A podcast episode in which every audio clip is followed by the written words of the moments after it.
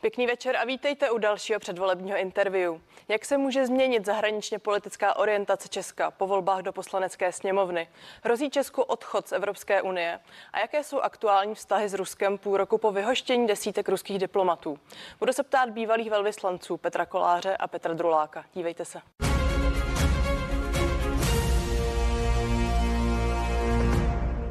A pánové, už vás tady oba vítám. Pěkný večer. Dobrý, Dobrý večer. Eh, začnu jednou aktuální návštěvou. Eh, českého premiéra Andreje Babiše provázel v posledních dnech v Ústeckém kraji Viktor Orbán. A mnozí to komentovali jako nevhodnou součást předvolební kampaně. Eh, pane Koláři, jak se díváte na tento akt a jakou to vrhá vlastně světlo, jaké to vrhá světlo na Česko v kontextu zahraniční politiky? Já bych nevnímal návštěvu eh, premiéra Orbána jako součást české zahraniční politiky, ale jako součást kampaně eh, pana premiéra. Eh, vzal ho sebou do ústí, pokud se nepletu. A skutečně myslím, že to s českou zahraniční politikou nemá nic společného. Tady byla demonstrována osobní vazba, přátelství. Myslím, že i pan prezident Zeman se vyjádřil na adresu premiéra Orbána, že to je dlouholetý přítel. Takže byl jsem pozván v době kampaně, má to zřejmě mít ten efekt, že to má panu premiérovi pomoci. České republice to, myslím, nic nepřináší. Tady my z toho žádný profit, ani zahraničně politický, ani jiný nemáme. Přesto premiér Babiš byl minulý týden naopak v Maďarsku s Viktorem Orbánem, navštívili maďarskou hranici. Souhlasíte se slovy pana Koláře, pana Druláku? No, já si myslím, že to je naprosto přirozené, že během předvolebních kampaních se zpřátelení politici pomáhají, navštěvují se, demonstrovali svoj, svoje partnerství, protože ten vztah mezi Andrem Babišem a Viktorem Orbánem je poměrně pevný, je tam vzájemný respekt a Viktor Orbán má své příznivce, má své odpůrce. Myslím, že i v České republice má dost příznivců, takže u, u voličů Andreje Babiše to mohlo i trochu pomoci. Eh, mimo jiné bývalý eurokomisař a europoslanec Pavel Telička včera napsal na Twitter, že dostal řady dotazů eh, z řad dalších kolegů z frakce Europarlamentu, kteří eh, jsou tam znutí ano, vůbec co si mají o té návštěvě a tomto společenství nebo řekněme přátelství myslet. Jak se na to mohou dívat právě v Evropské unii, pane Koláři?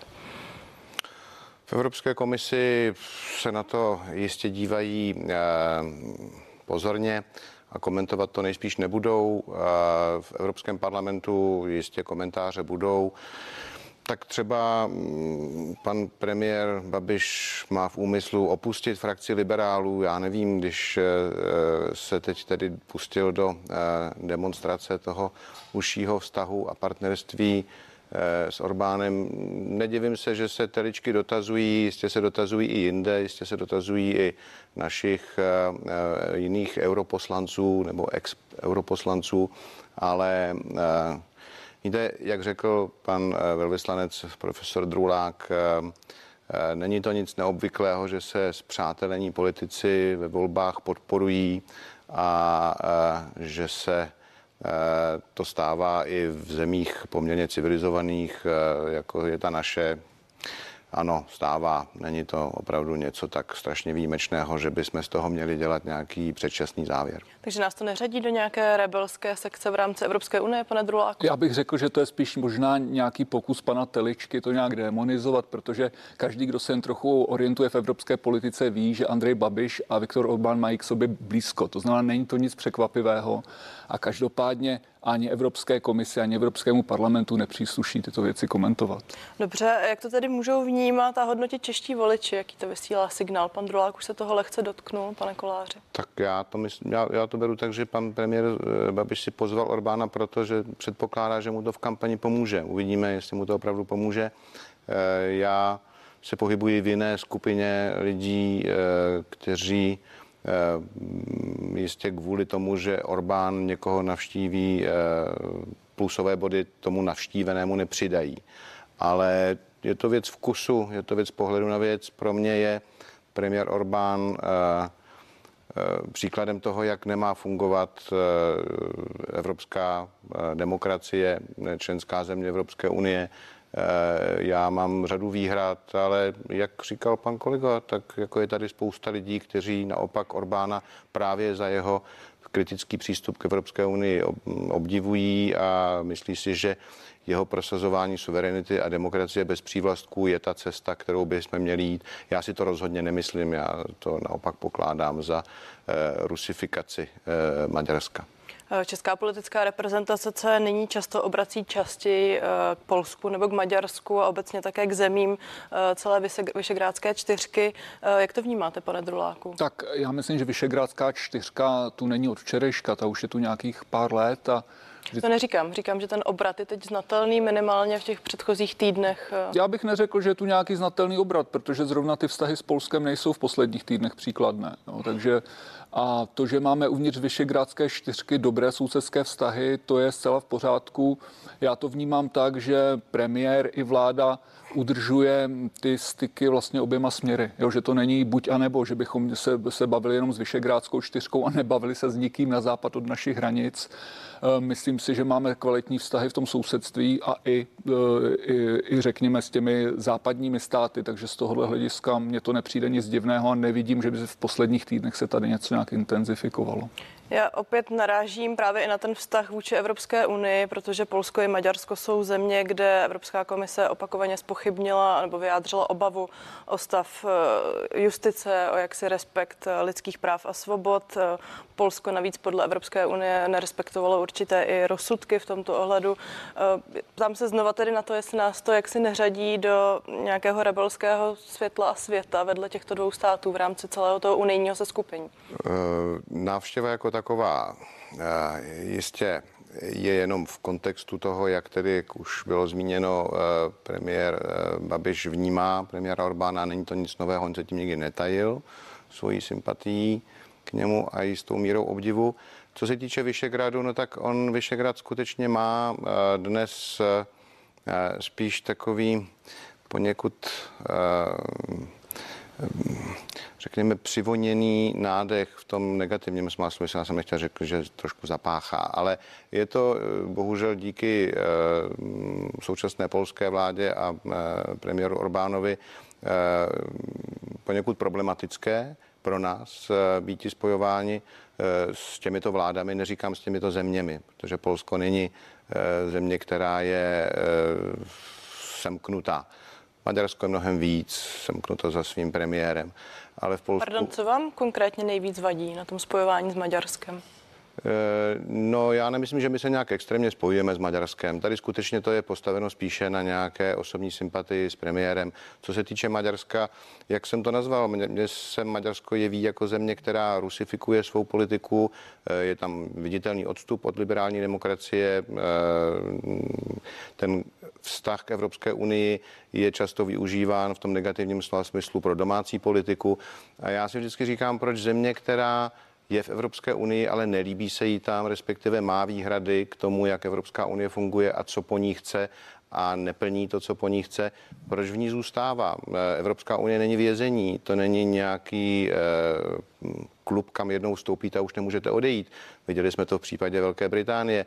Pokud se Maďarsku nelíbí nastavení pravidel, Evropská unie funguje jako společenství demokratických států, mimo jiné na principu vlády práva. Pokud se jim to nelíbí, mohou kdykoliv odejít. To samé platí pro Polsko, ale tam bych si představil, že skutečně eh, minimálně polovina Poláků by byla výrazně proti. Eh, pane Druláku, ještě se tady krátce zastavím u Maďarska. Viděli jsme v těch minulých dnech eh, snímky právě z maďarské hranice a té vnější hranice Evropské unie. Eh, I Andrej Babiš zdůrazňoval vlastně roli a důležitost Maďarska v té migrační politice a v obraně hranic. Nezveličuje se to? No já myslím, že ta pevná mm, pozice Maďarska v migrační politice a poměrně rychlá reakce v tom roce 2015 je něco, co právě Orbánovi přineslo určitou prestiž jak ve, jednak ve střední Evropě, ale i v části západní Evropy. Samozřejmě nezískal žádné pozitivní body v Bruselu a u německé vlády a v, řekněme v těch kancléřstvích ale u velké části evropského veřejného mínění má poměrně pozitivní, eh, pozitivní obraz a samozřejmě středoevropské státy tenhle postoj oceňovali a byli jsme s ním na jedné lodi. To neznamená, že jsme na jedné lodi ve všech ostatních věcech. Maďarsko vede s Bruselem bitvy v řadě otázek Některé lze označit za spravedlivé a rozumné a některé za nerozumné. Jo? Takže z tohohle hlediska myslím si, že Česká je celkem jasné, jaké jsou postoje České republiky, kde má Česká republika zase své bitvy a své třecí plochy, své třecí plochy s Bruselem. A Česká republika není Maďarsko, ale to není důvod, abychom se od Maďarska distancovali ve chvíli, kdy dělá věci, které považujeme za rozumné. Mými dnešními hosty jsou bývalý velvyslanec Česka v Rusku i v USA Petr Kolář a také bývalý velvyslanec ve Francii Petr Drulák.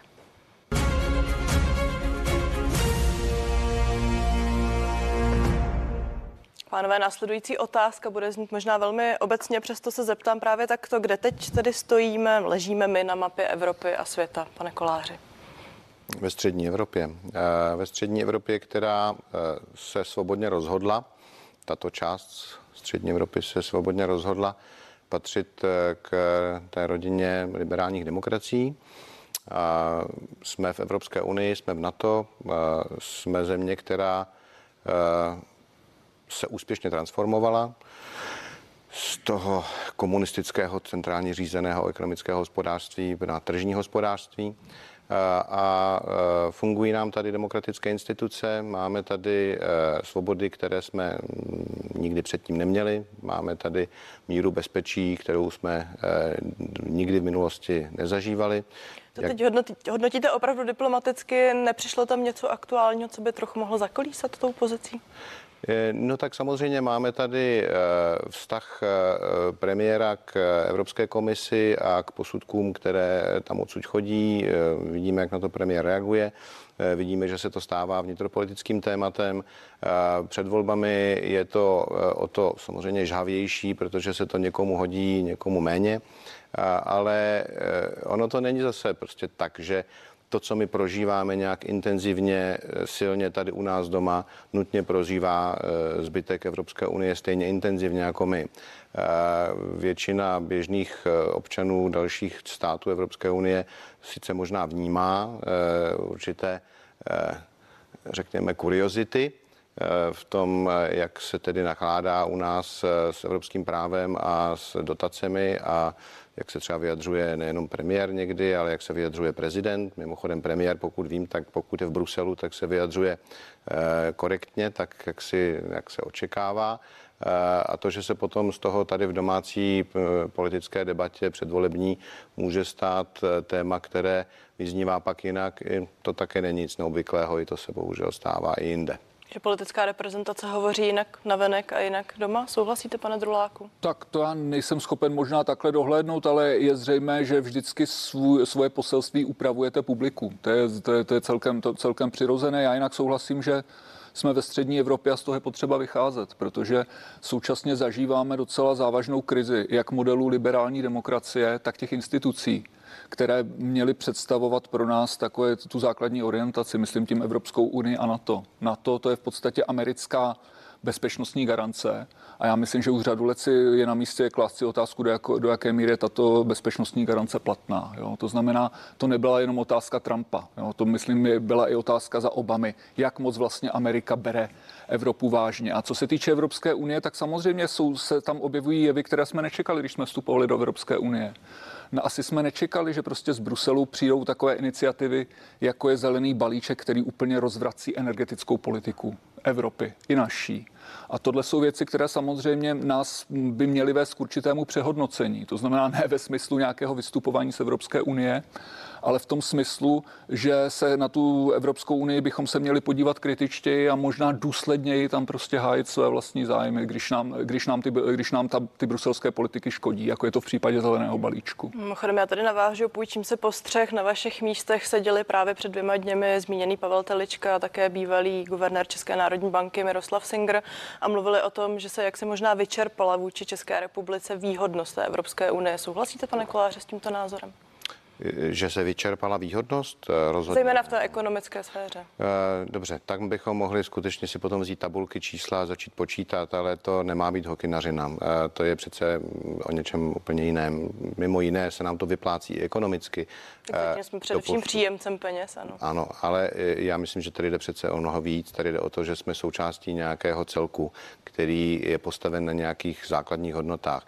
Jistě dochází tady k tření, dochází k tomu, že ta, ta takzvaná unity in diversity ne vždycky je tedy tou jednotou v té různosti, že tady spíš dochází k dělení na sever a jih a západ a východ. Máme jiné priority v mnoha ohledech i v zahraniční a bezpečnostní politice, ať se to týká migrace nebo vnímání Ruska třeba a čínské hrozby, ale to je přirozené. Eh, já nevidím alternativu eh, k tomu, že jsme v Evropské unii. Co se týče na to, ano, tak je to především americká bezpečnostní garance, která je pro mě zatím nevyčerpaná. Tedy a já jí věřím, eh, věřím tomu ne jako, že jsem věřící, ale věřím tomu na základě nějaké analýzy a nějakých zájmů i amerických, které jsou nějak jasně definovány.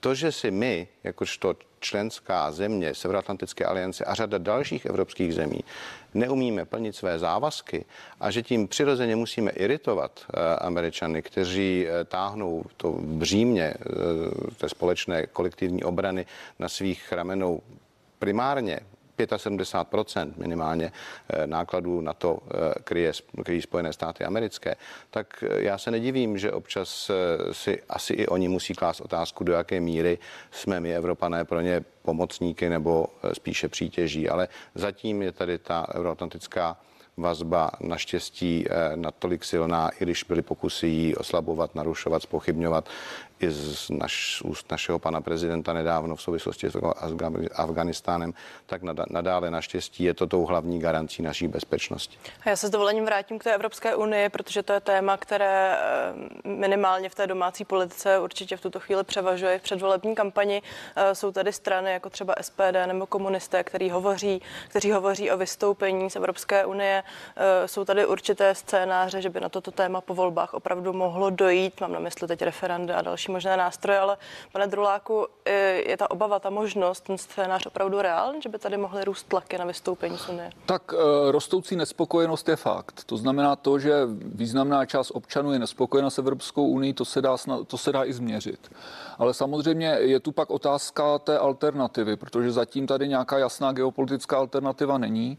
Na druhou stranu právě v tom středoevropském prostoru by možná stalo se na to zamyslet, co dělat, když ta Evropská unie se bude propadat nebo půjde stále tou cestou, která e, začne škodit našim zájmům. Ať už je to v oblasti migrační politiky, ať už je to v oblasti zelené politiky, ať už je to v po oblasti jakéhosi progresivistického pojetí lidských práv, které se zaměřuje na určité menšiny a které ignoruje zájmy většiny. Takže z tohohle hlediska e, to, že tu ta alternativa není, neznamená, že by nás to mělo uspokojit, ale měli bychom se zamyslet, zda v té střední Evropě nejsme schopni něco takového něco takového, něco takového vytvořit. Ale tak, jak je situace teď, tak samozřejmě těžko mluvit o nějakém vystupování z Evropské unie, když tady není jako něco, něco kde bychom mohli efektivněji uskutečňovat svoje národní zájmy. Eh, pane Koláři, Česko bude od příštího, čer, eh, příštího roku v července eh, předsedat Radě Evropské unie. Jak bychom to předsednictví měli uchopit a dokážete si představit nějaké scénáře podle toho, jaká vláda bude u moci? No, jak bychom to měli uchopit podle toho, jakou budeme mít vládu u moci? Tak eh, ideální stav je ten, že bychom to uchopili sebevědomně, že bychom měli svoji agendu, kterou bychom eh, dostatečně v předstihu konzultovali se svými eh, spojenci v rámci Evropské unie, protože, jak jsem říkal, ne všichni jsme ve všem zajedno. Ostatně ale... já vás tady zastojím, to už by se teď mělo dít, pokud se nemýlím. Děje? Já doufám, že se to děje. Já doufám, že se to děje. Alespoň tedy na té pracovní úrovni diplomatické. Eh, protože času skutečně moc nezbývá. Je, a já tedy doufám, že se nám nepovede to, co se nám už jednou povedlo, že jsme se během předsednictví svého vlastního eh, sfabulovali natolik, že eh, tomu nikdo jiný, kromě nás, ani my jsme tomu vlastně nerozuměli. Myslím, že tehdy ani pan Paroubek tomu nerozuměl, co se mu povedlo způsobit. Ale eh, dobře, tak tedy ideální stav, měli bychom skutečně mít svou agendu, kterou bychom měli projednanou se svými spojenci, protože nestačí mít pravdu, nestačí mít agendu, musíte pro ní získat eh, partnery, kteří vás podporují, eh, svatoplukovi pruty, sama nic nezm, nezmůžete, musí vás být víc. No a měli bychom mít jasnou představu, kam chceme to své, to, to předsednictví, kam ho chceme dostat, kde chceme prostě, abychom předávali potom Švédům. A to já doufám, že aspoň na té úrovni pracovní se děje. Jak bude vypadat vláda po volbách a do jaké míry tohle bude pro příštího premiéra, ať už to bude kdokoliv, prostě prioritou, to skutečně nedokážu odhadnout. Ale je to příležitost, kterou bychom neměli zbytečně promarnit. Nemáme to tak často, tu možnost eh, a nemyslím si, že z toho prostě bude nějak jako set, svět si sedat na zadeček, když eh, to nějak uchopíme tak či onak. Ale každopádně pro nás je to příležitost, kterou je škoda nevy, nevyužít. Pane Drolálko, máme opravdu málo času, dokonce zeptám se jen krátce. Eh, vy jste nemám tam nějaké téma, které bychom podle vás jako Česko měli v Unii teď akcentovat? Já myslím, možností? že česká, česká vláda, české vlády dlouhodobě akcentují rozšiřování Evropské unie. Ať už vlastně je v té vládě kdokoliv, tak to, toto je dlouhodobé téma a očekával bych, že i nová vláda se bude tímto tématem zabývat, protože ta ostatní témata už jsou politicky, už politicky rozdělují a je otázkou politického rozhodnutí, co akcentovat. Ale myslím si, že ta schoda na tom rozšiřování Evropské unie, které je dnes zablokované, je docela podstatná věc. Říká Petr Drula, který byl, byl mým dnešním hostem. Děkuji za to. Děkuji. A hostem byl také Petr Kolář. Pánové, i vám oběma děkuji. Děkuji také. Z dnešního interview je to vše. Díky, že jste se dívali. No a následuje pořad Divoká karta. Téma bydlení, mimo jiné s Vladimírem Špidlou.